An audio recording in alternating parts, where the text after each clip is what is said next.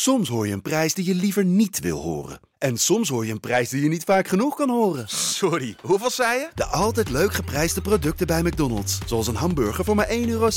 Of een chili chicken voor 1,95 euro. Galaxy AI is here. Open deze magische wereld met de nieuwe Galaxy S24-series. Omcirkel, zoek en vind het. Bijvoorbeeld die dikke sneaker op Insta. Of omcirkel een foto van een gerecht en vind meteen het recept. Op zoek naar wat liefde over de grens? Met ChatAssist als tolk is jouw liefde grenzeloos. Maak vlijmscherpe foto's en bewerk ze als een pro. Met Photo Assist verwijder je al het ongewenst uit je foto, zoals lelijke reflecties of je ex. Bestel de Galaxy S24-series nu op samsung.com. In de komende aflevering onderwerpt teamontwikkelaar René Vele ons aan een groepsoefening om onze angstcultuur te doorbreken. Je kunt je wel voorstellen hoe ongemakkelijk dat was. Maar dit gedeelte is helaas alleen te beluisteren voor onze vrienden in Kleedkamer 1. Lid worden? Check de link in de show notes.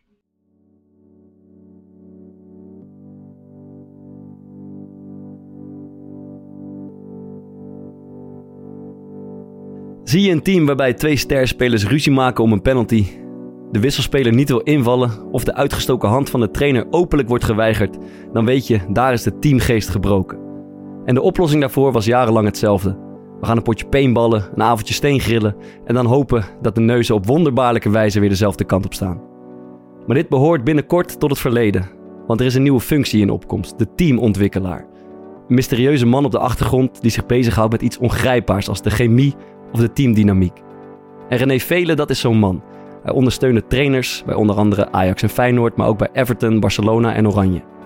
Wat zijn de sluipmoordenaars van de teamdynamiek en hoe creëer je eenheid in een groep vol met ego's? Dat vandaag in de Core Podcast. and it went like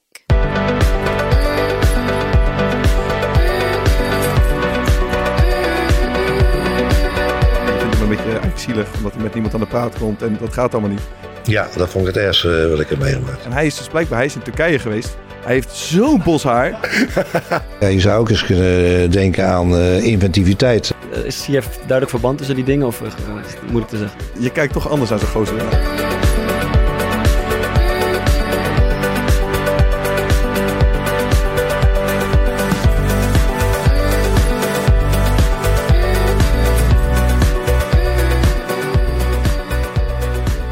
René, welkom. Ja, mooie intro, En dankjewel. eh, goed te zien. Welkom in onze nieuwe studio ook. Ja. We zijn zelf ook een beetje onder de indruk van Gelijk een onze... foutloze start, Bart. Ja man, ja, ja, in je ja. zakje Ik, zit ook heel gemakkelijk eh, bij. Eh, alle credits moeten trouwens naar eh, de kleine generaal Kariel die dit eigenhandig uit Ja, de grond die heeft er gestampt. volledig doorheen zit, omdat toch de apparatuur het uiteindelijk niet helemaal goed deed. Maar we zitten er fantastisch bij. Nee, we zitten top bij in, in Club Haug. Ehm, René, welkom. Eerst even introductie. Je bent Yes. teamontwikkelaar of teamconsulent bij Triple Win Sport.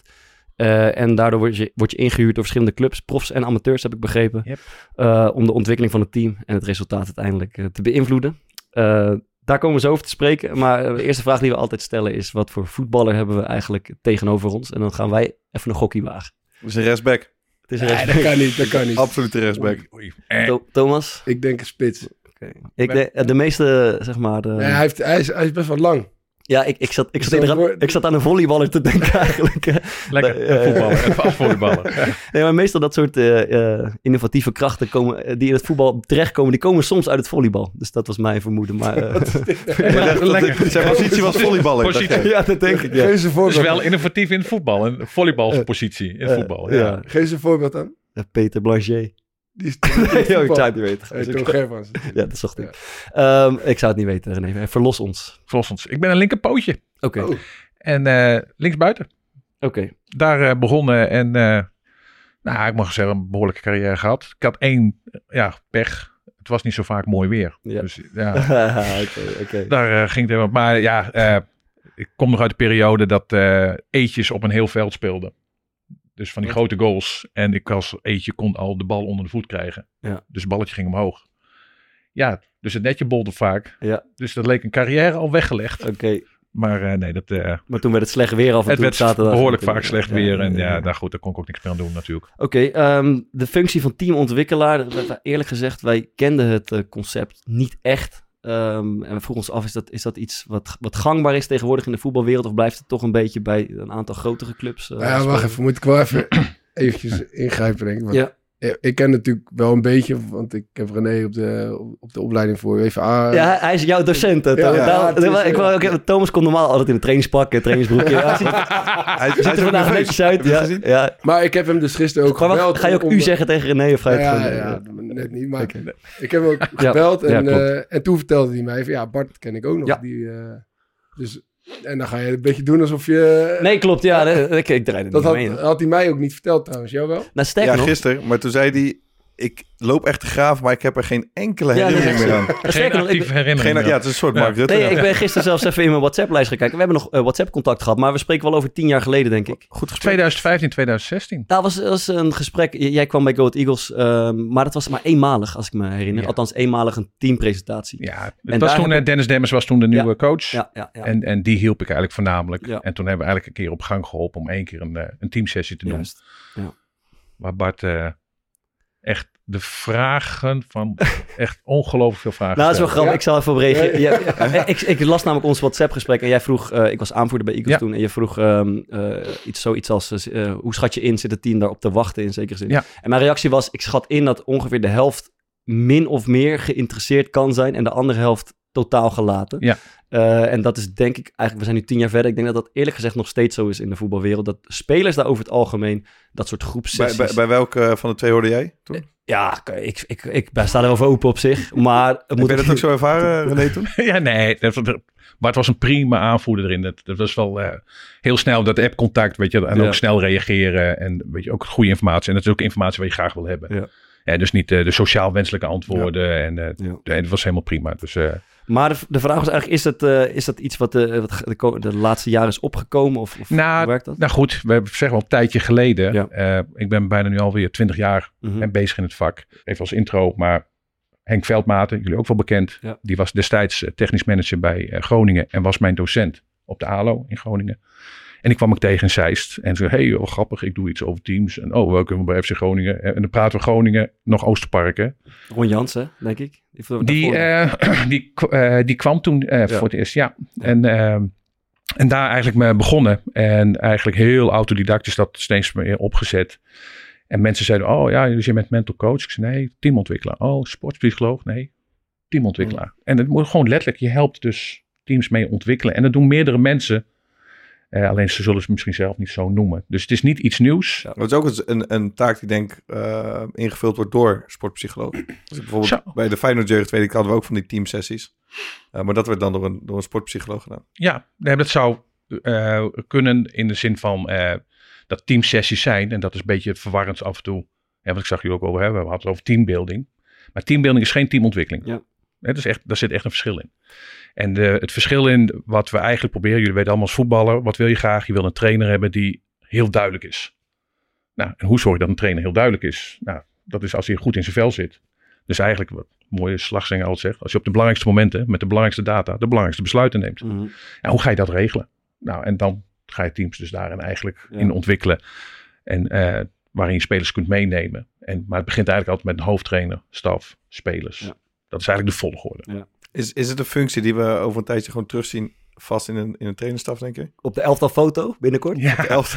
Dan is het officieel, hè? Nou ja, daar, ben ik, daar heb ik bewust altijd van afgehouden. Omdat ik eigenlijk niet op voorgrond wil. Ben je, wel, je bent wel eens gevraagd voor een elfde foto. Jawel, jawel, jawel. Waar dan? Nou ja, dat zijn eh, FC Groningen begon het al mee. Mm. Dus dat was de eerste. Dat was al die fotootjes nemen.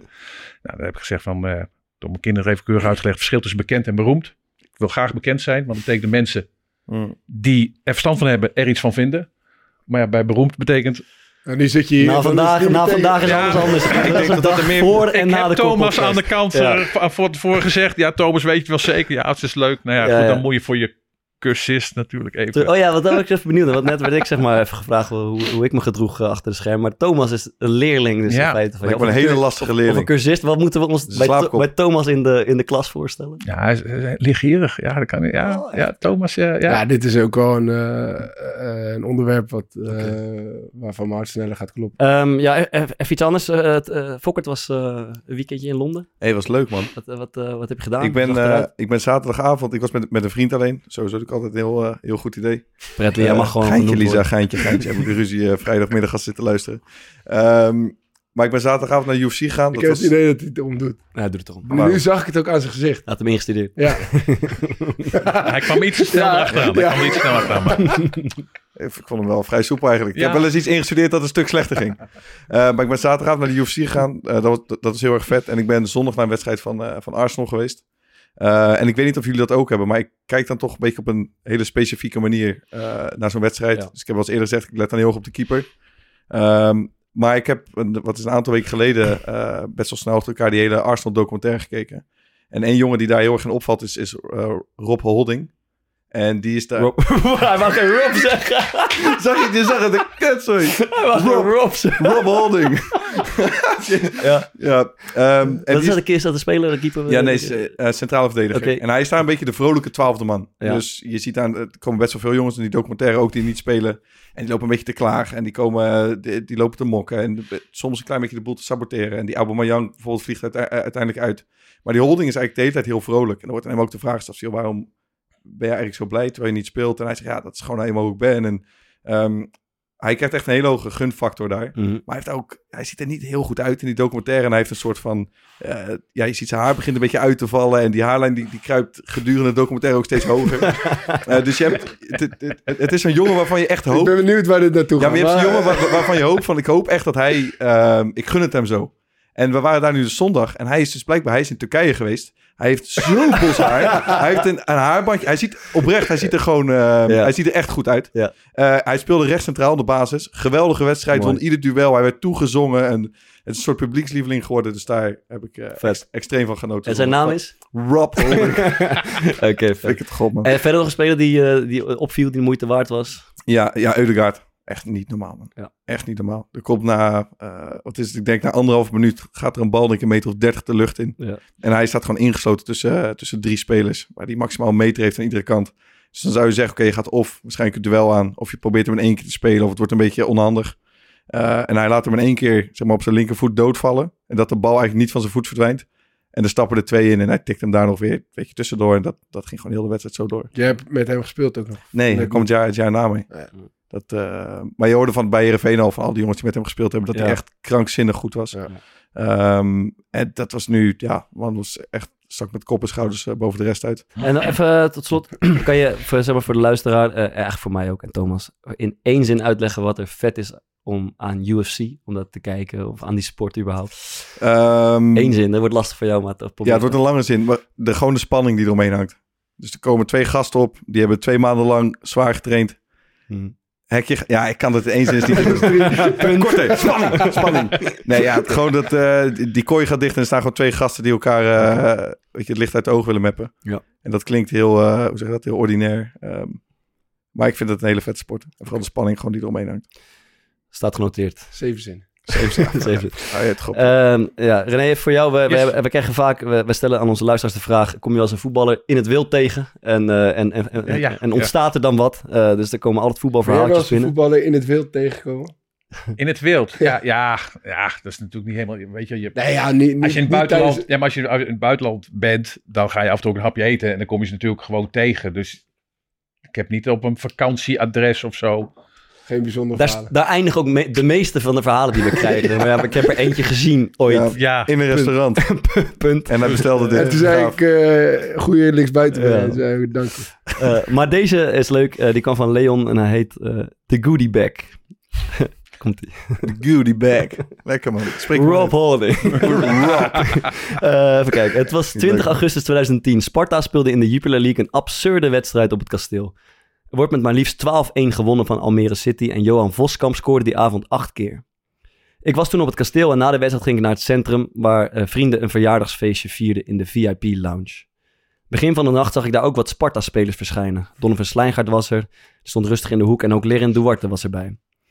Het werd half vier, tijd om richting huis te gaan. Op het Stadhuisplein buiten, buiten loopt een groep gasten. Al snel zie ik held Johan Voskamp en een flink aantal ploegmaten om hem heen. Duidelijk was dat ze de zeer ruime overwinning hadden gevierd. Ik besluit toch even heen te lopen, al weet ik niet echt waarom. Eenmaal in hun, eh, eenmaal in hun buurt geef ik Johan Voskamp een hand. Beetje knullig zeg ik gefeliciteerd, alsof hij jarig was. Johan vroeg of ik bij de wedstrijd was. En voordat ik ja kon zeggen, kwam een aangeschoten Kevin Strootman vlak voor mij staan. Die had, die had een aantal eh isolemmetjes op. Ja, die had wel wat lemmers achter kiezen. Eh, Kevin Stroopman. Met zijn wijsvinger op, zijn borst, eh, op mijn borst en zijn kenmerkende frons en boze blik begon hij te schreeuwen. Weet je hoe goed wij waren vanavond? Wij waren zo fucking goed, hè? Wist je dat? Mensen gaan zeggen, ja, het is maar Almere City, het is maar Jupiler League. Maar die moeten hun bek houden. Wij waren fucking goed, Strootman. Dronken en boos tegelijk. Alsof ik- toch, hè? Ja, dat- Alsof ik zijn grootste criticaster was. Ik voelde me net even een scheidsrechter op het veld na een onterecht gegeven penalty. Zo met al die spelers voor me. Het was gewoon imponerend. Dan slaat zijn bui ineens om. Hier, voor jou man. Ik krijg van Stroopman een goodiebag in mijn hand geduwd. Omdat je Spartaan bent. ik zag dat ze allemaal zo'n wit papieren tasje vasthielden. Gekregen in de club waar ze net uitkwamen. Plots volgden ze allemaal het voorbeeld van Stroopman. ik kreeg van hen allemaal die goodiebag in mijn handen geduwd. Goodie bag. Die waren ze mooi kwijt.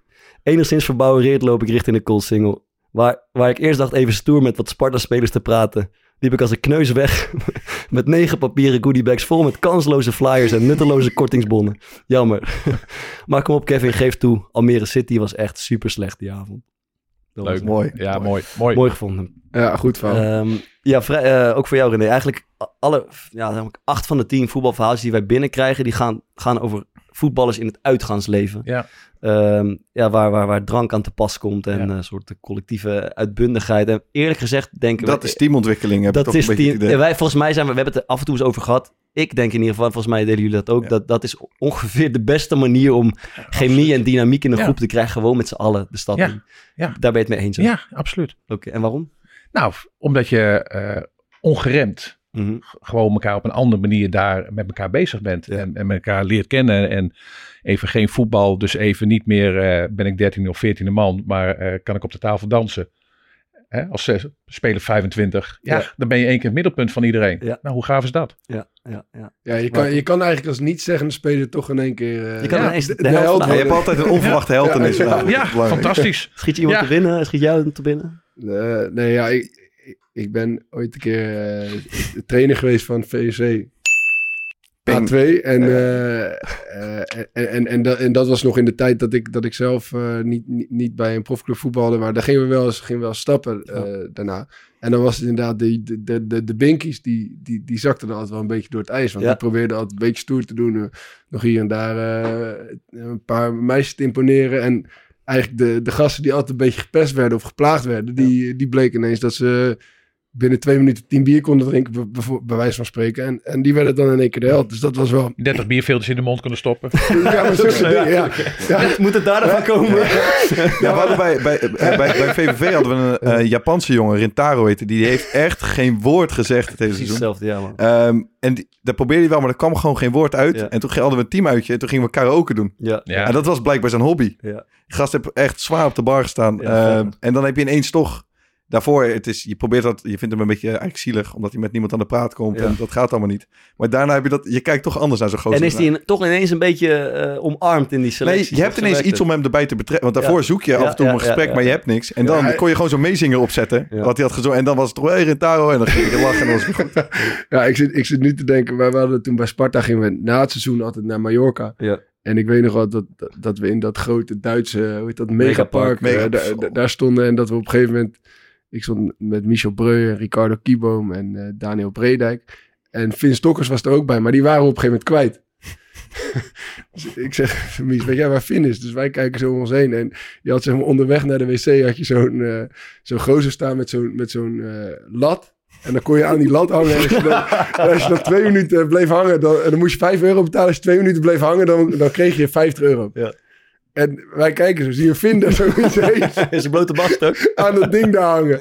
Ja, dat, Is, dat zijn van die dingen, die vergeet je natuurlijk nooit meer. En daardoor wordt Finn net even een grotere held dan dat hij al was. Dus Ja, dat ja, zijn wel... eh, Dus ja, Ja. klopt. Helemaal mee eens. Helemaal mee Ja, eens. we gaan het zo echt over jouw functie hebben. Eh, eh, want we weten ook, jou, jouw functie gaat dieper dan de teambuilding. Maar toch om even te schetsen ehm, ja, hoe teambuilding in, in, in onze eh, ervaringen aan toe gaat in de voetbalwereld. We- hebben wij verschillende uitjes gedaan, denk ik. De eerste die mij, de, de slechtste die mij te binnen schoot, schiet, is dat Thomas was er ook bij dat we op een vissersboot in Volendam gingen met, het was koud en weer, eh, regen en Ja, wind. En gingen met z'n allen, Floranus toch ook? ja, Florence, is- iedereen was erbij. op En we gingen op een boot in Volendam eh, en eh, ja, we gingen vissen. Dus we kregen allemaal een vissenhengel. Stonden we in die kou allemaal heel sneu aan de reling onze, onze hengel uit te gooien. Midden op het ei of waar we ook waren. Ja, Of het, of, weet ik veel hoe dat heet. het IJsselmeer gewoon. Het IJsselmeer. En ehm, niemand, nul vissen gevangen. Ja, niemand heeft niet eens beet gehad. Nee, en iedereen stond zo heel Ja. vet inspiratieloos zo met zijn hengeltjes zo te wachten tot er iets gebeurde.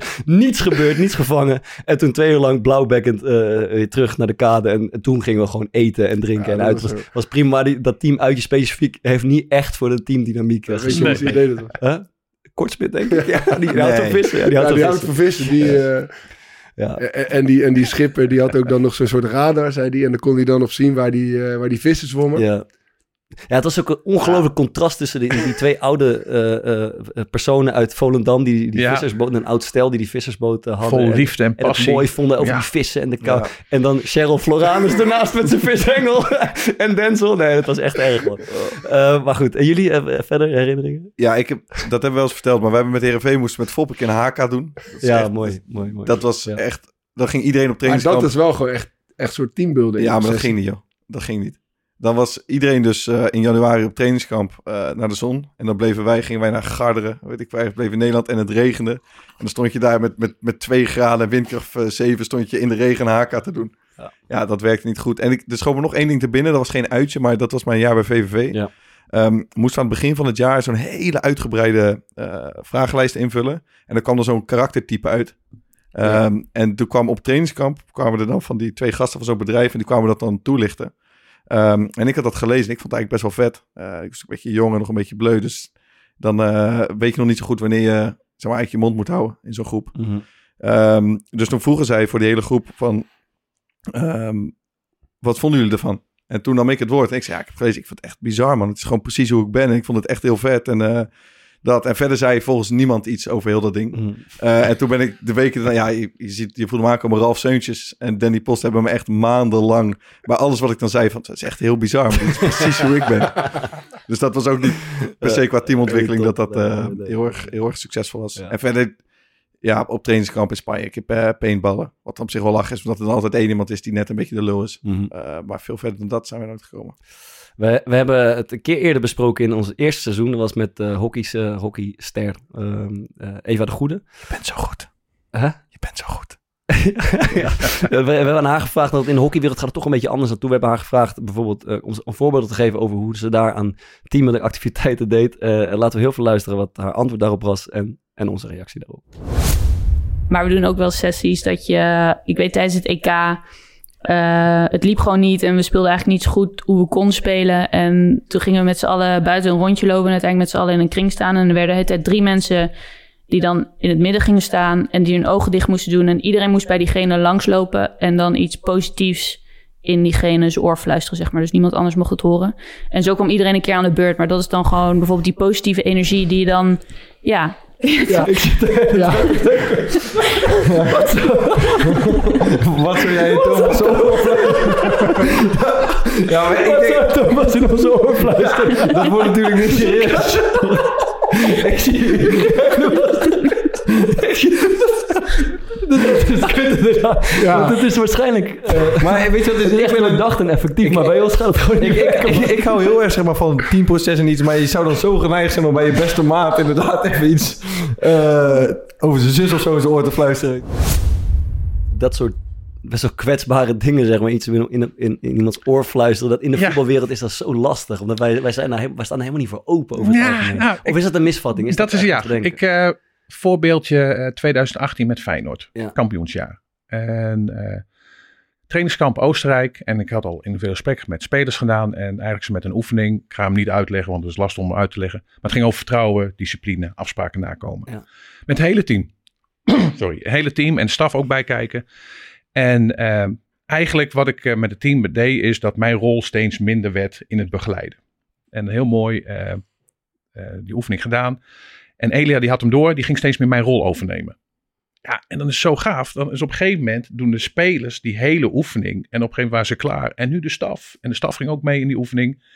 Ja, dat zijn cadeautjes. Mhm. Als dat gebeurt in een team, ja, Ja. dat is fantastisch. Weet je, en daar kun je een heel jaar op bouwen. En dat was een soortgelijk, zo'n beetje kwetsbare Nou, oefening. Ja, ja, eigenlijk wel. Want het was een oefening die ze nog nooit hadden gedaan. Ja. En je moest echt wel even nou ja, out of comfort zone, om maar even te. Oké.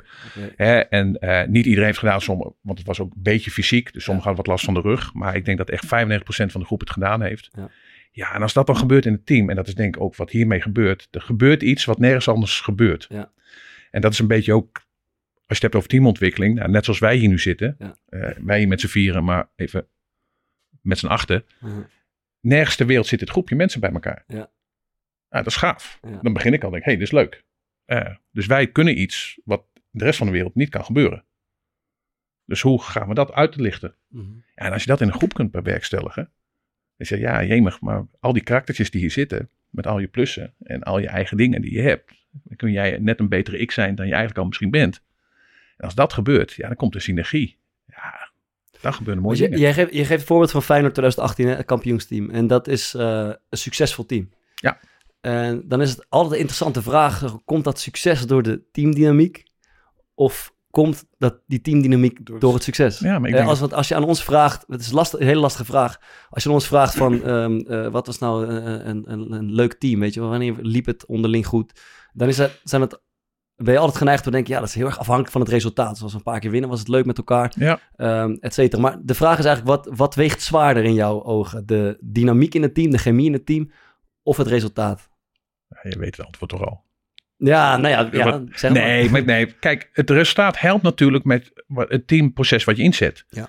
Hè, jullie trainen knoepend hard de hele week. Je bent ermee bezig. En eh, je, hè, je, je wilt een bepaald eh, eh, tactiek spelen. En, ja, en als het dan bevestigd wordt op het scorebord. Dan denk ik, yes, een mooie Maar week. ik vraag, ik vraag het, ik- ik- ja, so- sorry dat ik... Nee, nee. Ehm, we, we hebben het natuurlijk gisteren ook even over gehad. En Ja. toen reed ik weg. En, en toen hadden we ook ons de vraag gesteld van ja, eh, komt het nou door het resultaat dat, dat zoiets ontstaat? Of, of eh, ontstaat het resultaat juist nadat... eh en, en ik denk dat je sowieso altijd het kan winnen. Want voetbal is natuurlijk een spel Mhm. van geluk en, eh, en pech. Maar ik denk juist dat als de teamdynamiek niet goed is... dat het resultaat eh, ervoor kan zorgen... eh, dat je het niet aanpakt, zeg maar. Dus dan, dan zou individuele kwaliteit die ervoor zorgt dat je toch nog af en toe wint, ervoor kunnen zorgen dat je, dat je het maar zo houdt. En dat je Mhm. toch maar bij- blijft vast, vastklampen aan, ja, misschien halen we alsnog resultaat en dan is het alsnog goed. Dus ik denk helemaal niet dat het resultaat zo heel erg eh, teamdynamiek beïnvloedt. Hoe, eh, hoe is de dynamiek hier, denk je? Ja, het is goed. maar ik- ben benieuwd, kunnen wij excelleren Dat is een deze goede vraag. uitzending? Dat is een goede vraag. We zijn, eh, Zijn we goed bezig? Daar vertrouw ik op, want jullie zijn ervaren. Maar kunnen we ook excelleren deze Dat uitzending? gaat nu komen, dat gaat nu komen. Denk je dat het lukt, Maarten? Ik heb, er, ik heb er wel goede hoop op, ja. Ja, en wat is voor jou dan excelleren? Excelleren is eigenlijk dat Een kut verhaal vertellen. Ik het verhaal vertellen, Thomas aan het lachen maken.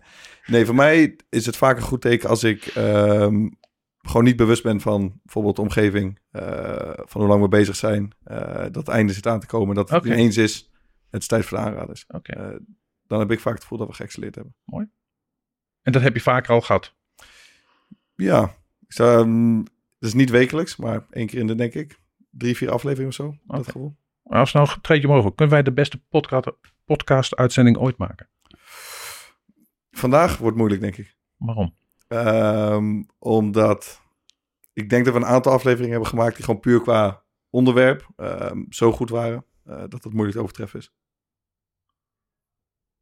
Ja, ja, je hebt, ik denk, kom nog meer. Nee, sorry. Dat is gewoon eh, is uit puur ongemak. Oké. Ik word op de slagbank gelegd. Eh, Ben je, ben je nu zeg maar bewust van de omgeving waar je het net over had en van de context? nee, gaat, ik ben nu heel gaat nadenken over een, eh, over een zinnig antwoord. Dus dat, ik ben gewoon volledig gefocust. Maar dat is dus afhankelijk dus van het onderwerp. Dat je zegt, omdat je dat onderwerp je meer aanspreekt of wat dan ook. Ja, ik denk wel dat hetgeen wat wij maken eh, vaak afhankelijk is van het onderwerp. Ja. Oké, nou, dat kan. Doe, doe je het ervoor? Nou ja, ik, ja ik, ik had wel graag willen excelleren. Kijk, ik heb al eerder podcasts geluisterd. De, de kerstuitzending, dat is wel een persoonlijke doelstelling dan. Hè?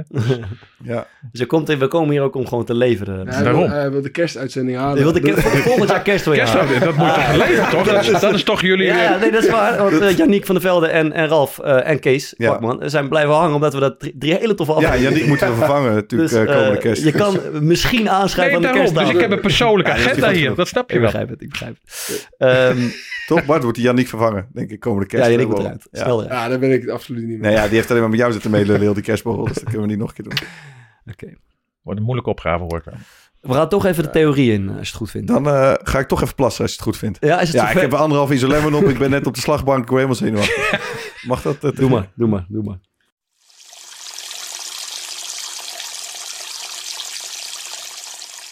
To, wacht. Jij hebt en les gehad van? René. Ja. En je hebt eh, dat boek gelezen. Ja. Ja, even in een Ik heb het boek nu wel echt goed gelezen. Ja, nou ja, eh, zo, zoals ik het... En ik ga het heel beknopt proberen te doen. Tijd loopt. Eh, het, het- begint bij de beleefdheidsfase. Eh, dat is, eh, die noemen wij bijvoorbeeld bij Excelsior als trainers altijd de witte broodsweken. Mhm. Dus dan wordt eigenlijk altijd gezegd van ja, het is zo goed. En eh, dan, dan komt iedereen bij elkaar. Dus begin van het seizoen, nieuwe groep. En dan eigenlijk alles is fantastisch. Eh, eh, spelers eten uit je hand. Iedereen is enthousiast. Niemand weet zeg maar, nog of die in de basis staat of in, eh, als wissel is. Dus dat zijn eigenlijk de weken waarin, eh, nou ja, wa- waarin alles gewoon nog kan en alles leuk is. En, en dan vindt er uiteindelijk altijd ergens wel een omslag plaats. En dat is, eh, als, ik het, als ik het go- goed heb en eh, ver- verbeter me als het, als het niet Nee, klopt. Maar dat is, dan, dan kom je zeg maar, in de positioneringsfase terecht. Ja. En dat is het moment waarop eh, spelers toch al doorkrijgen van... oh, misschien beland ik toch niet in de basis. Of eh, ja, waarin spelers hun, hun, hun plek wat beter leren, eh, leren kennen binnen de groep. Maar dus misschien daar ook niet tevreden mee kunnen zijn. Dus dan ontstaan er regelmatig eh, conflicten. Eh, en eh, als je die conflicten goed beleid, eh, begeleidt als trainer zijnde... Dan, eh, dan ga je vervolgens naar de eh, normeringsfase... waarin zeg maar aan de hand van die conflicten normen worden gesteld... en je dus eigenlijk weer naar elkaar toe groeit als je dat goed doet.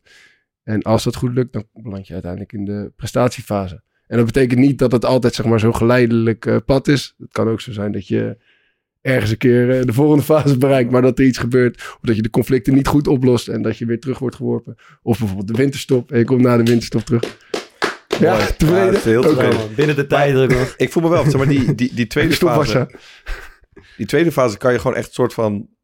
bijna standaard plakken toch twee weken voor het eind van de, van de voorbereiding. Die is bijna, nou ja, ja, Want je weet, zeg maar, die laatste twee we- wedstrijden gaat hij met de baas spelen. ja. Zo, ik zit er niet bij. Ja. En ik val ook niet in de rust al in. Die Eh, eerste twee fases hebben we sowieso bij ieder ploegje altijd meegemaakt. Ja. De, de, de- eigenlijk gebeurt het Ja, nooit en dan is dat het toch volgens mij super cruciaal inderdaad hoe je ehm, vooral bijvoorbeeld met zo'n eind van zo'n voorbereiding omgaat. Ja. En dat is denk ik ook waar het bij Excelsior een aantal keer toen niet helemaal lekker. ehm waar we misschien ook als groep toen niet helemaal goed op hebben gereageerd. Ja, en we, we, we hadden het net natuurlijk met dat stukje over Eva de Goede en, eh, Ja. en- en je vertelde over Mark Lammers.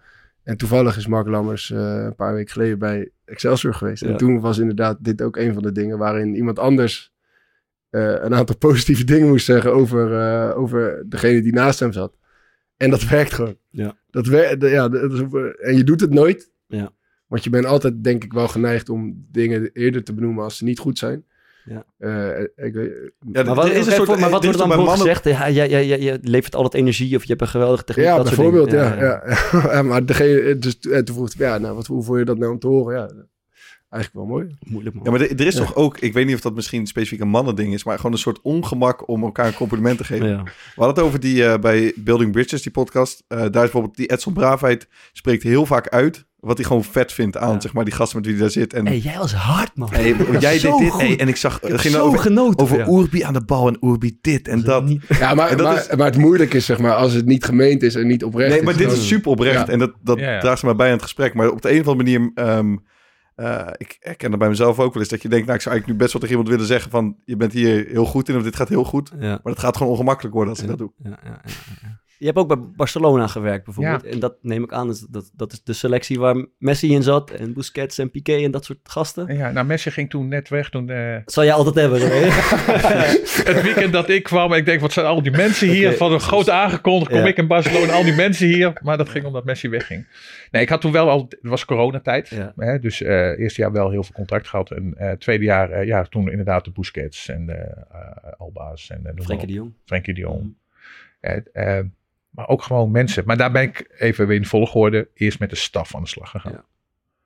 Dus dat was eh, op zich wel, ja goed, 35 man staf. Ja. Dus dat, Is, is, is het contact met zulke jongens ehm, echt hetzelfde als jongens bij Groningen? Of zit daar toch wel een, een klein verschil tussen?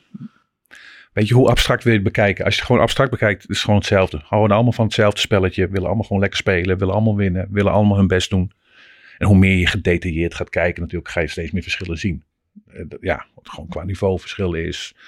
Kijk, bij Barcelona, eh, ja, als je naar een training heen gaat en eruit gaat, ja, dan moet je door een hele horde mensen die allemaal foto's maken voor eigen gebruik. Dus er wordt gewoon een telefoon tegen je auto aangeduwd. En dan hopen ze dat je een reactie geeft voor TikTok, want dan krijgen ze weer volgers. Ja, eh, ik weet niet hoe het bij Sparta zit, hoeveel mensen daar na de training staan om jou op te wachten om te zeggen Nul. Nee, snap je? Dus dan loop je gewoon weg. En het is sneu, want de echte fans die nog met hun shirtje staan voor Ja. een handtekening, die staan in rij 15 erachter en die zie je niet eens meer. Ja. En daarvoor is het is allemaal commercie, het is allemaal belangrijk. Ja, zo beter? Oké. Dat is perfect. Hè, allemaal, dat is wel het verschil. En daarmee verandert natuurlijk ook gedrag van spelers die dan snel wegduiken of wat dan ook. Ja.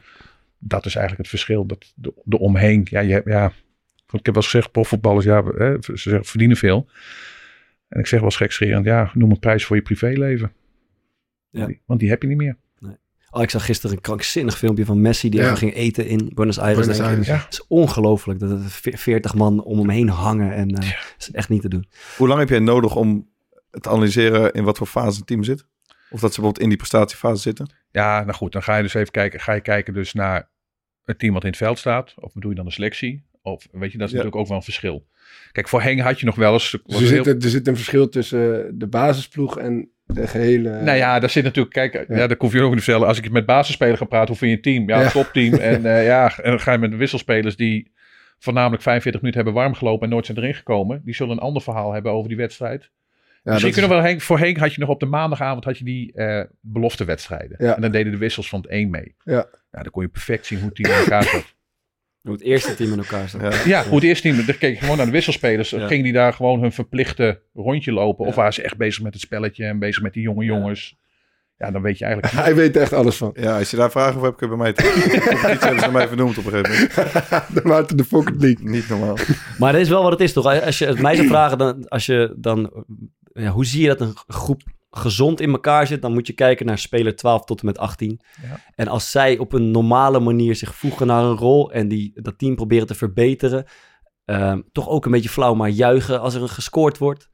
eh, of of eh, stinkende best doen als ze moeten invallen, dat soort dingen. Ja. Dan heb je volgens mij wel een gezonde Ja. sfeer met elkaar. Maar heel vaak eh, is, is het tegenovergestelde het geval. Namelijk dat zijn de gefrustreerde jongens. Dat zijn de jongens die, ehm, ja, die een beetje gaan roddelen en, Ja. eh, en, en Ja. mopperen en een arrogante houding aannemen. Ik, ik heb het zelf ook gedaan.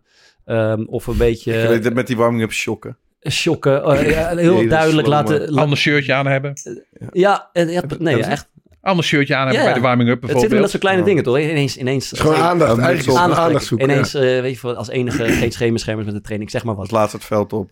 Veters los. Ja, en dat is, eh, ja, is, dat, is dat ongeveer hoe je ziet dat een team er slecht in zit? Nou, dat, dat zou kunnen. Hè. dat- ja, ook. Hmm. Hè. Er zijn meerdere dingen. Hè. En, maar het is natuurlijk ook betrokkenheid. Hè. Dus ook spelers, wisselspelers. Nou ja, goed, net kwam het verhaaltje over Kevin Strootman. Ja.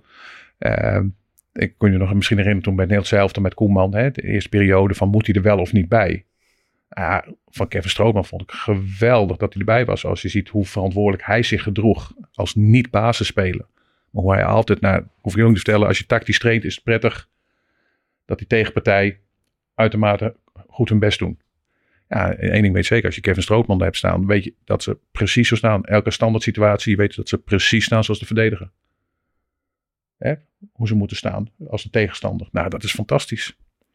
Hè? Ja, en dan is het heel prettig om zo jongens in je team, in je selectie te hebben. Hè? En hij was ook in de kleedkamer. Ja, zei ook als hij vond dat het niet goed was. Ja. Ja, en dan hebben we het over, we willen leiders. Ja, en dan als je er eentje hebt, ja, dan is het misschien fysiek net even iets anders. Ja, dat, dat wordt altijd lastig voor een trainer. Ja. Maar die hou ik nog wel bij, wanneer niet. Nou Ja, ja, kan hij wel spelen, niet spelen. Want ja, alleen erbij hebben omdat hij de tegenstander goed neerzet. Dat is iets, Nou ja, ja. hè? Ja, maar Je, vergeet, je vergeet dat toch wel snel. Dus, ehm, Maar veel, ben- sorry, maar veel aanzien bij heel veel spelers. Omdat hij gewoon de oude normen en waarden bewaakte. Ik heb, eh, kijk, als ik zelf terugdenk aan teams waarin dat heel goed voor elkaar is, dan is dat bijvoorbeeld het huidige Sparta.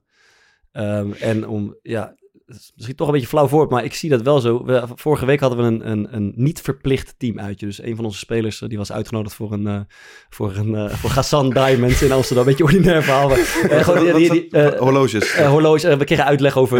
Die, nee, ik heb nee, wel een paar gasten, ik niet trouwens. Ja? Want Eh, hebben wij Rolexen gewoon. Eh, dat zijn Rolexen En die gekocht. kosten dan 6, 7000 euro. Dat kost Nee, iets meer denk ik zelfs, man. Ja. Maar het verhaal... Dat was, 25 in de maand. dat was gewoon eh, één... één- Ja, dat is Bart. Dat is nog niet eens de groot verdienen. Dus één speler had, kent gewoon iemand daar en die zei... Misschien is het leuk om met een paar gasten te komen. Totaal niet verplicht. De staf was er ook niet bij. Nee. 21 man Ja. rijden op hun Ja. vrije middag naar Amsterdam. Ja, Om te denken, ach, best wel gezellig, laten we eens gaan kijken. Ja. 21 spelers, bijna iedereen. ja. En dat typeert volgens mij heel erg. ehm, natuurlijk, de resultaten zijn goed. Maar ook, ja, gewoon eh, dat je het goed hebt met elkaar. Dat Ja. je het leuk vindt om met elkaar wat te doen. Zonder dat het verplicht, een verplichting Nee, is. dat Ik heb met Thomas in een Ja. elftal bij Sparta gespeeld. Ook leuke tijden gehad hoor. Maar ook in een elftal waar ze van heinde en ver kwamen. Nul verbinding met elkaar. Dus jongens uit eh, Denen en, en Schotten en Spanjaarden, Italianen. Maar dat kwam, ja, dat, ik- wij voelden ons, tenminste ik, als ik, en ik denk jou misschien, ik voelde me ook oprecht verantwoordelijk, zeg maar, voor dat, eh, voor dat team. Ja, Dus, kan dus, dus wij deden ook echt gewoon veel, eh, best wel moeite om die jongens erbij te betrekken. En op een gegeven moment was het inderdaad zo, dan, ik hoefde de stad maar in te, ik woonde op de Hoogstraat en, en ik hoefde maar mijn straat uit te lopen naar een, een koffiezaakje ergens. Ja. En er zat wel iemand. En, dan, en, en, en een half uur later kwam de volgende binnenlopen. Ja. En een half uur later weer. En dat was, ja, dat ja, was maar dat wel was de leuke tijd. Maar we hebben ook een tijd gehad dat je om, om, om, om je heen keek en dacht, wat- hebben deze Ja. gasten met elkaar? En dat, dat, was niet, dat was niet eens zo heel ver uit elkaar. Qua? Qua, qua tijd gewoon. Dus, nee, nee, nee, was dus inderdaad. dat was misschien zelfs nog in, binnen één seizoen. Denk ik eigenlijk. Maar ja, nee, dat zou, dat zou kunnen. Ja, toch? Ja, ja, dat is ongeveer hetzelfde ploegje, alleen dan na de winterstop. Ja. ja. Maar eh, ja, laat, ja ik, vind dat, eh, ik vind dat heel veel zeggen over een team Ja, en hoe absoluut. ze met elkaar om. Wij hebben bij het huidige Sparta ook veel buitenlandse jongens die ook natuurlijk een groepje vormen. Maar zeker is er veel overlap met elkaar. Dus we delen ook nog wel wat met elkaar. We gaan eh, eten en dat soort En, dingen. Ja, en en- volgens mij is het ook wel veelzeggend hoe je als ploeg reageert als je een keer verliest. Ja. Als het zeg maar niet loopt. Ja. Eh, want dat, dat kan ik me uit onze tijd ook, van ons bij zelfs nog wel herinneren. Dat we, als we dan wonnen, was het echt was het top. Was het echt leuk. En eh, dan wonnen we twee keer en er was één gelijk spel. Of dan we speelden heel slecht en we verloren een keer dik. Dan merk je gelijk, hoor, dan beginnen jongens gewoon dingen af te schuiven. En die willen geen verantwoordelijkheid nemen. En het ligt... ehm, ik heb het voorbeeld al een keer eerder gegeven. We, eh, ik speelde eindelijk weer eens een keer een wedstrijd uit bij Cambuur. Daar verloren we 7-1. En we kregen het laatste half uur kregen we zes goals tegen. En we hadden daarna een bespreking met alleen de verdedigers. En toen waren er dus een aantal jongens die in die bespreking ehm, dan zeiden van ja, we hebben niet goed verdedigd, maar het ligt eigenlijk aan de aanvallers. Ja. En dat vind ik altijd wel ook een aardig teken dat als iedereen of iedereen of een, een groot deel van de jongens elk moment aanpakt om een soort van verantwoordelijkheid te gaan afschuiven. ehm, dat is voor mij ook vaak wel een teken aan de hand van oké, Ja. dit, dit zit onderling zit het niet lekker. Nou, leuk, leuk voorbeeldje. Ooit bij Southampton. 100.000 van die wedstrijden speel je daar in de Premier League. Toen ook gevraagd, ja, jee, maar daar gaan we weer. Sleur. En toen heb ik gewoon eens een keer voorgesteld, waarom laten we de spelers niet de voorbespreking doen? Ja, huh? Huh? Wel goed faciliteren, voorbereiden. Dus de verdedigers die gingen de aanvallers voorbereiden, middenvelders, middenvelders. En eh, de aanvallers gingen de verdedigers voorbereiden. En het was de uitwedstrijd naar Chelsea. Had Southampton nog nooit gewonnen daar, of amper gewonnen. Nee, je voelt hem wel aankomen. Ze wonnen. Beginnersgeluk. Ja, Nee, Nou, dat- ik- zie, je ziet, eh, is hier duidelijk verband tussen die dingen? Of, eh, Nou, nee, maar de grap is natuurlijk, kijk, het is mooi dat het meekomt, maar, Maar dan het is nog nooit gebeurd. Ja. En dat bedoel ik, net zoals met die oefening wat ik eerder vertelde. Ja. Weet je, dan komt dat en dan, gebeurt er dus weer wat in een team. Maar als je dat niet doet, dan krijg je ook niet de kans om daar weer iets unieks te krijgen. Want nu hebben zij iets met elkaar gedaan, wat ze dat hebben we nog nooit gedaan zo. Ja. En dan krijg je weer die uniekheid, die verbinding. Ja, en dan moet je af en toe wel durven proberen om dingen anders te doen dan anders. Ik weet wel dat wij dat bij Sparta in dat kampioensjaar hadden met trainer bij Hans Kroon. Dat wij echt het idee hadden dat we... De, de- sowieso inhoudelijk waren die trainingen natuurlijk gruwelijk. Maar dat we ook samen het idee hadden van ja, we doen iets samen. We verleggen onze grenzen. En dit doet echt werkelijk waar geen enkele andere club. Ja, dus we groeien ten opzichte van de rest. Ja, Ja. en, en, en, dat, heeft, en dat, dat sterkt gewoon echt dat, dat, eh, dat Ja. teamgevoel. En, eh, en dat combineerden we dan ook nog met eh, mentaal en eh, fysiek grenzen verleggen. Dat was, dat was echt eh, vet om mee te maken. Maar de, de- daar is dit ook wel een voorbeeld Ja? van. We hebben wel een keer met, met VV gedaan dat we, eh, hadden we uit bij Fortuna verloren. Moest, eh, moesten we met de verdediging, eh, volgens mij, je moest zeg maar je eigen beelden kijken als linie. En dat moest je dan gaan presenteren hoe je vond dat je zelf gespeeld had. En toen weet ik, ik weet nog wel dat iedereen volgens mij veel te zacht eigenlijk was over zijn eigen.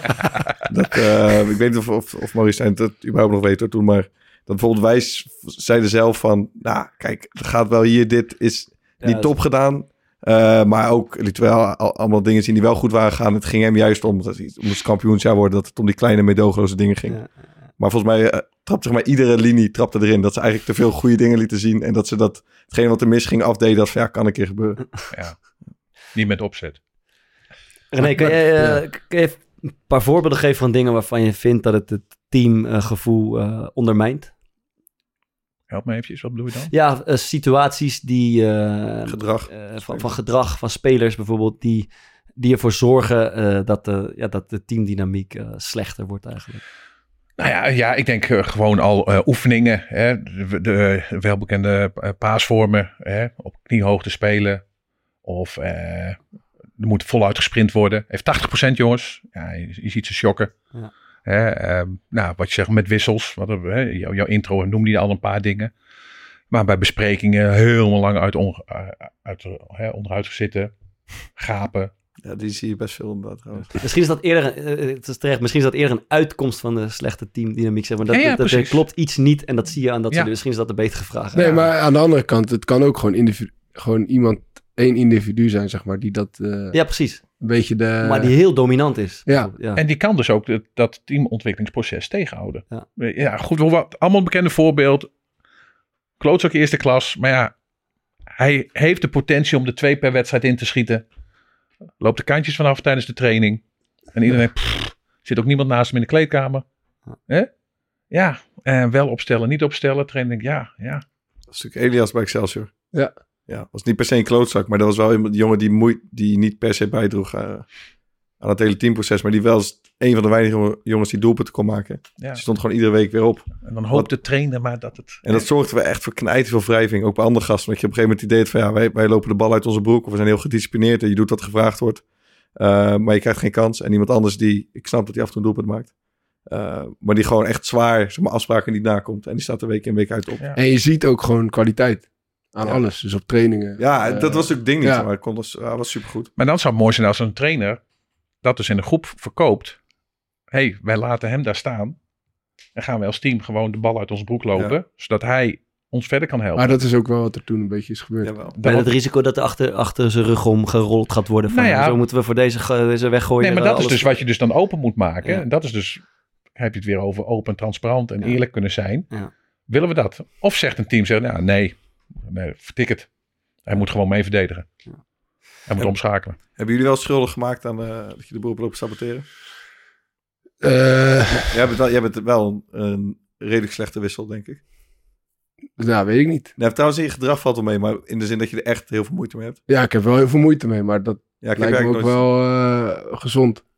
Tenminste, dat, dat- ik, ik kon ook niet van mezelf accepteren dat ik, eh, dat ik daar heel vrolijk op de bank eh, zou gaan zitten. Ik weet niet of ik echt slechte wissels ben. Ik denk dat ik wel op bepaalde Ja, momenten mijn frustratie niet, eh, niet kon onderdrukken. Maar ik heb wel altijd geprobeerd om het team eh, te helpen tegelijk.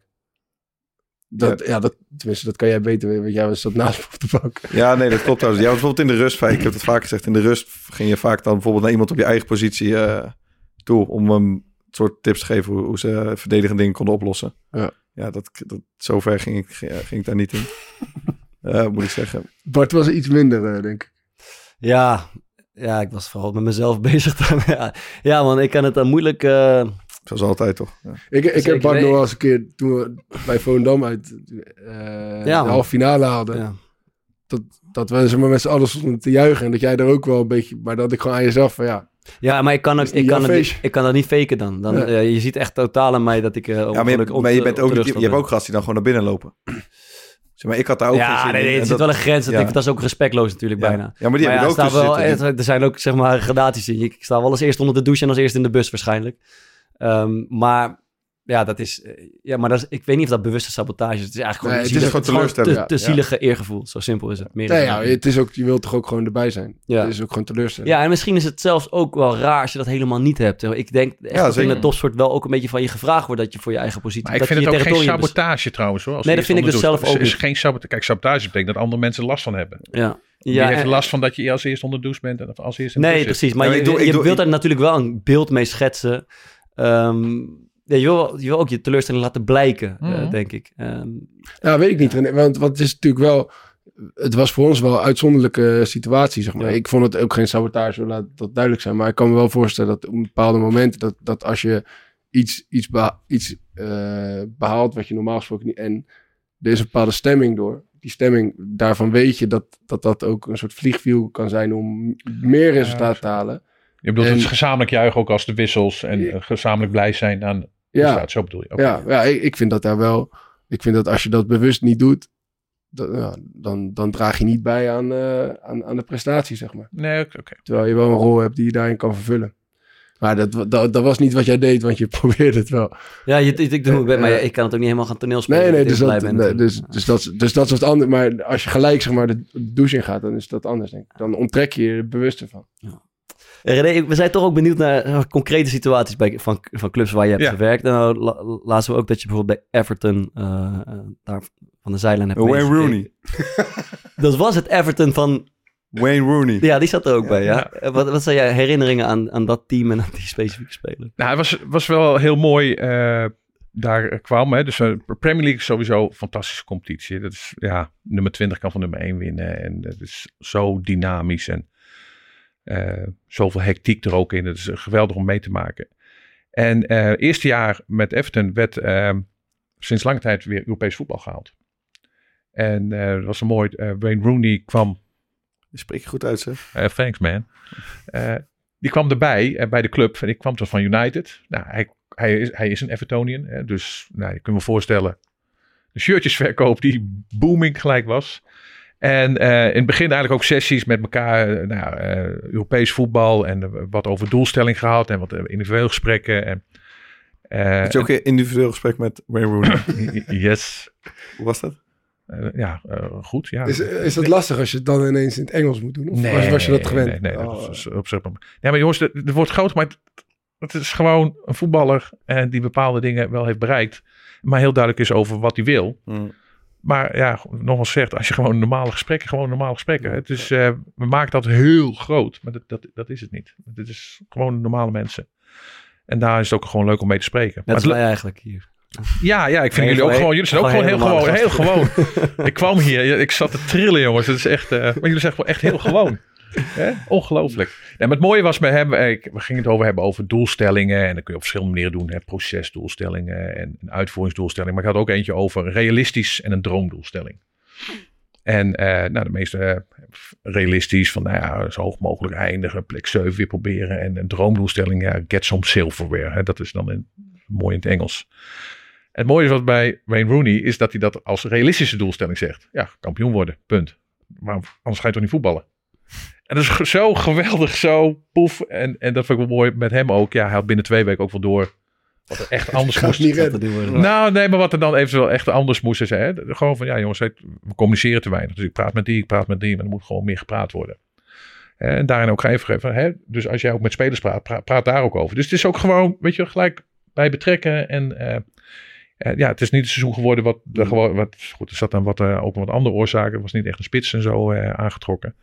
Eh, maar dat vind ik wel mooi dat dit soort jongens, die dus gigantisch kunnen helpen in dat proces. Ja. Omdat ze gewoon voor hun heel normaal is dat je gewoon elke wedstrijd wint. Punt. En als je voetbalt en je speelt hier, dan moet je gewoon kampioen worden. Eh, Heb jij, heb jij eigenlijk spelers meegemaakt in al die jaren waarvan je dacht, die, die, die excelleren, als we het toch over hebben, in, eh, in het beïnvloeden van teamontwikkeling? Ja. Teamdynamiek? Ja, verschillende. Helemaal teruggaan naar eh, helemaal het begin, waar ik zei bij Groningen. eh, Erik Nefland. Ik weet niet of dat je die nog Ik heb kent. erover gelezen. Spits. laat van, eh, iemand schreef daarover dat hij, eh, ik weet niet meer wie het was, een interview dat Nefland hem altijd bij hem thuis uitnodigde, dat ze daar gezellig gingen barbecuen en drinken. Dat hij dat regelmatig zeg maar, op zich nam, dat soort dingen. Als je het hebt over spelers, gewoon geen gezeik, hard werken. En die, heeft, die speelde destijds toen samen met Suarez. Nou, Suarez had, struikelde toen ook nog wel eens af en toe, eh, zeg maar, over als de kalklijn iets te hoog gekalkt was, zeg maar dan. Hè, of de, de zijlijn. En dan, ja, dan kwam hij er gewoon aan, tilde hem op, sloeg hem onder zijn kont en voetballen. Weet je wel? Eh, niks, geen gezeik, gezeur. Ja, en hij kon bijvoorbeeld ook, eh voelde hij wel aan. En we hebben het echt nog over, dus ook Oosterpark. Vond ik geweldig. eh speelden ze tegen PSV en Groningen staat 1-0 voor. Hij was geblesseerd. Eventueel spelen op de bank. En hij gaat vanaf minuut 50 gaat hij warm lopen. En het publiek wordt helemaal gek. Maar precies wat hij wilde. Erachter staan, erachter staan. Is niet ingevallen. Hij heeft gewoon 40 minuten gewoon warm gelopen. Dat was zijn bijdrage aan het team. Ja. Ja, ja, dat is natuurlijk geweldig. Dus Erik Nefland is de beste teamplayer die je eigenlijk hebt Nou meegemaakt. ja, even als je van die periode, hoe hij dat was, een man van weinig woorden, maar echt van daden. En als hij wat zei, dat sneed het ook hout. Tof, ja. Hè, dus dat, dat was mooi. Ehm, andere spelers meegemaakt. eh, nou ja, er is wel eens een andere. ik zal geen namen noemen erin. Maar er was een keer een eh, prachtig twee eh, aanvoerders. Eh, het ging over eh, een team voor de winterstop. Nou, cruciaal moesten wel wat wedstrijden gewonnen worden. En die het, trainer zit klaar, tien uur, bespreking. Nou, prachtig. Allemaal erbij. Iedereen zit er op de twee aanvoerders na. En hij opbalen. Vijf over tien. Shit, moet ik nu een straf uitdelen of niet aan mijn aanvoerders? En wat is het nou voorbeeldgedrag? En er wordt op de deur geklopt. De deur gaat open. Komen de Sinterklaas en Zwarte Piet binnen. Lekker zeg. De twee, aan- de twee aanvoerders. Wel lang geleden. Ja, Zwarte Piet is het, eh, Dat, oh ja, oh, maar ja, ja, toen heette het nog Zwarte Piet, laat ik het zo zeggen. Ehm, en, dus die, en die gingen dus iedereen eh, verhalen en kom maar eens even op schoot zitten bij Sinterklaas. Ja, dus die hele voorbespreking. Maar ja, als je het hebt over teamontwikkeling, wat dat doet voor een team, ja, dat is geweldig. En eh, Waar, waar zit te denken over wie gaat dit? Je hebt een idee, hè? Ik heb geen idee. De enige bij wie ik zou kunnen bedenken dat het hem was, is, is Sander Fischer. maar die heb je denk ik niet meegemaakt. Nee, nee, die heb ik niet, nee, die heb ik eh, niet meer daar meegemaakt.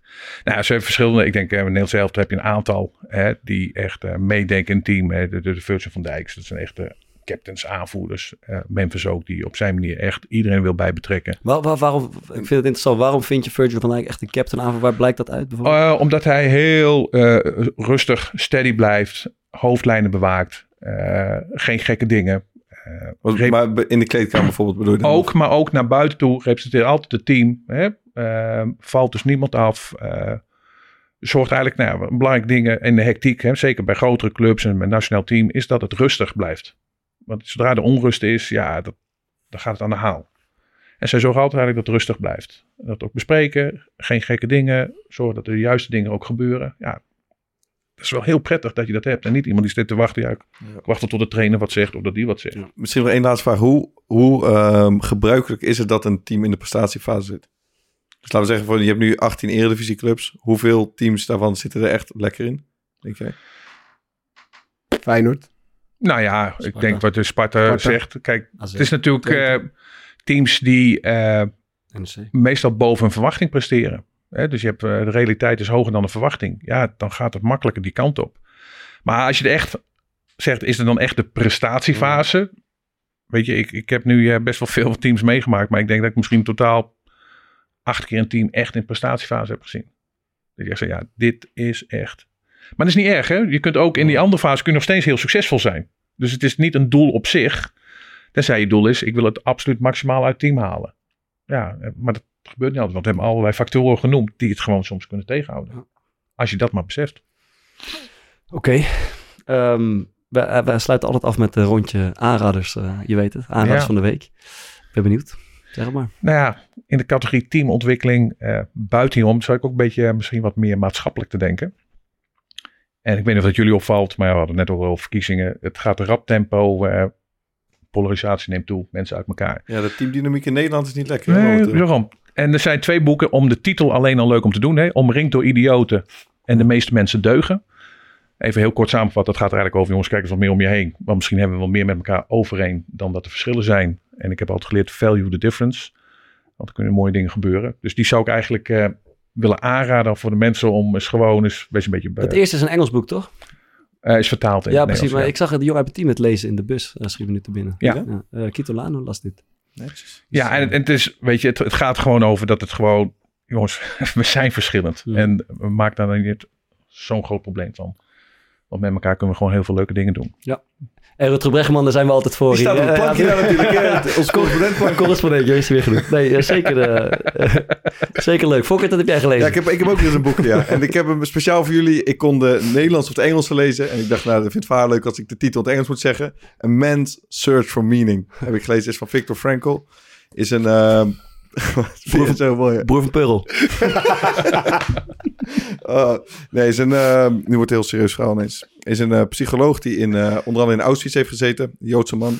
Ehm, en die heeft daar een, een bepaalde vorm van therapie eigenlijk eh, ontwikkeld. Je zit gewoon te lachen tijdens een vrouw over Auschwitz. Ja, oh, eigen grap eerlijk gezegd. Of van Pearl Frankel. Ja, sorry, ik vond Ja, het is wel leuk. maar het is ook weer niet. eh, Ik vond het ook goed. Oké, nou, gefeliciteerd.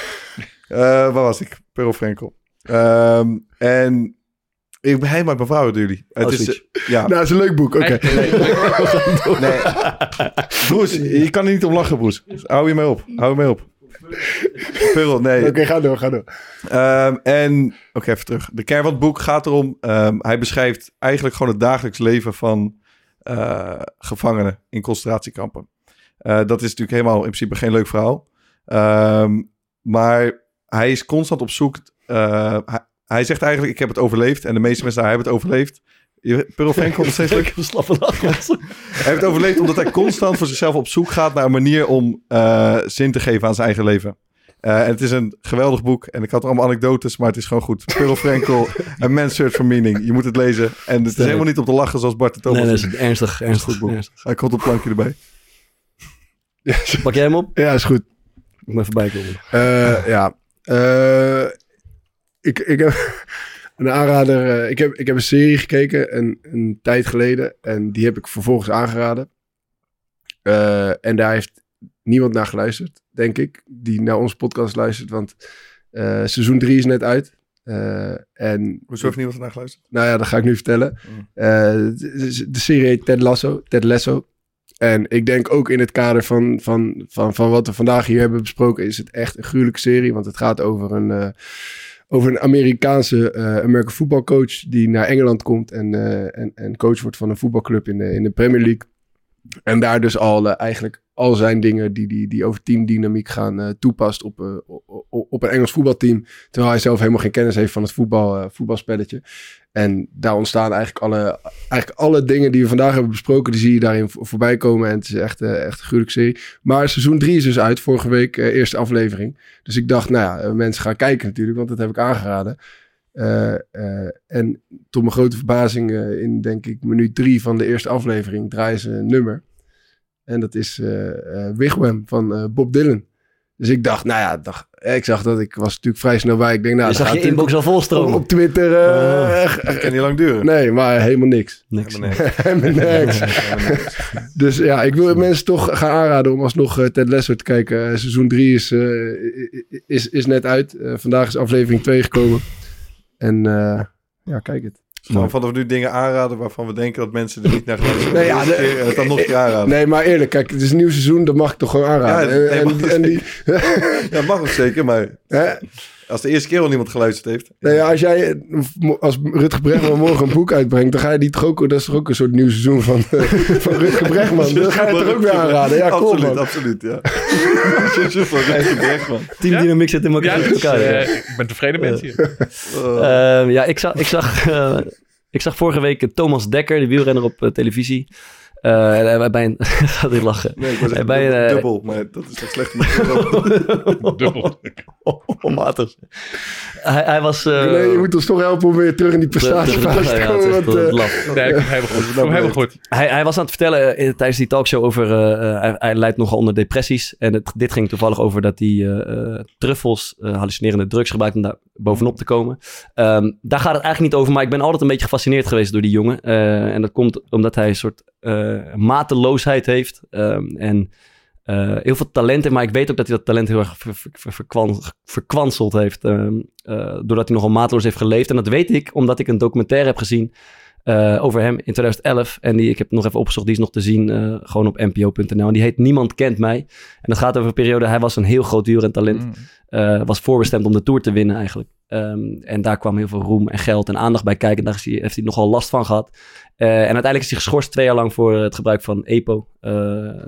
Eh, en die documentaire volgt hem tijdens dat, die comeback naar zijn... ja, naar zijn nieuwe wiel, wielercarrière eigenlijk. En daar, gaat, daar komt nogal veel in naar voren over zijn karakter, over zijn problemen, over zijn depressies. Maar ook over zijn mateloosheid waarmee hij leeft. En ik vind het altijd interessant om naar te luisteren, maar ook omdat het een hele ingewikkelde kerel is volgens mij. die zichzelf nog aan de weg zit. Dus ik zou mensen aanraden om naar Niemand Kent Mij te kijken op Driedok. Doe je best. En we sluiten af met een muziekje en die komt ook van jou. Ja. Nou, gezien het enthousiasme eh, kan natuurlijk niet anders dan eh, van de Pointer Sisters eh, I'm So Excited. Lekker zeg. Oeh, dat is eh, Mooi. een vrolijk einde. Dankjewel voor je komst. Het was leuk, eh, en eh, interessant. Ontregelend hier en daar. Zo. Eh, we, zijn er, We hebben wel wat. Ze We hebben het er warm van gekregen. Ja, ja, Ja, ik, ik vraag me af welke fase wij zitten ondertussen. ja, nou ja. Zeg je, wat denk jij? Het is niet meer beleefd in ieder geval. Daar zijn we een beetje voorbij. Ehm, ja, volgende week zijn we terug. Eh, bedankt voor het luisteren. Yes, En, volg ons, stuur mailtjes. Groetjes. Groetjes.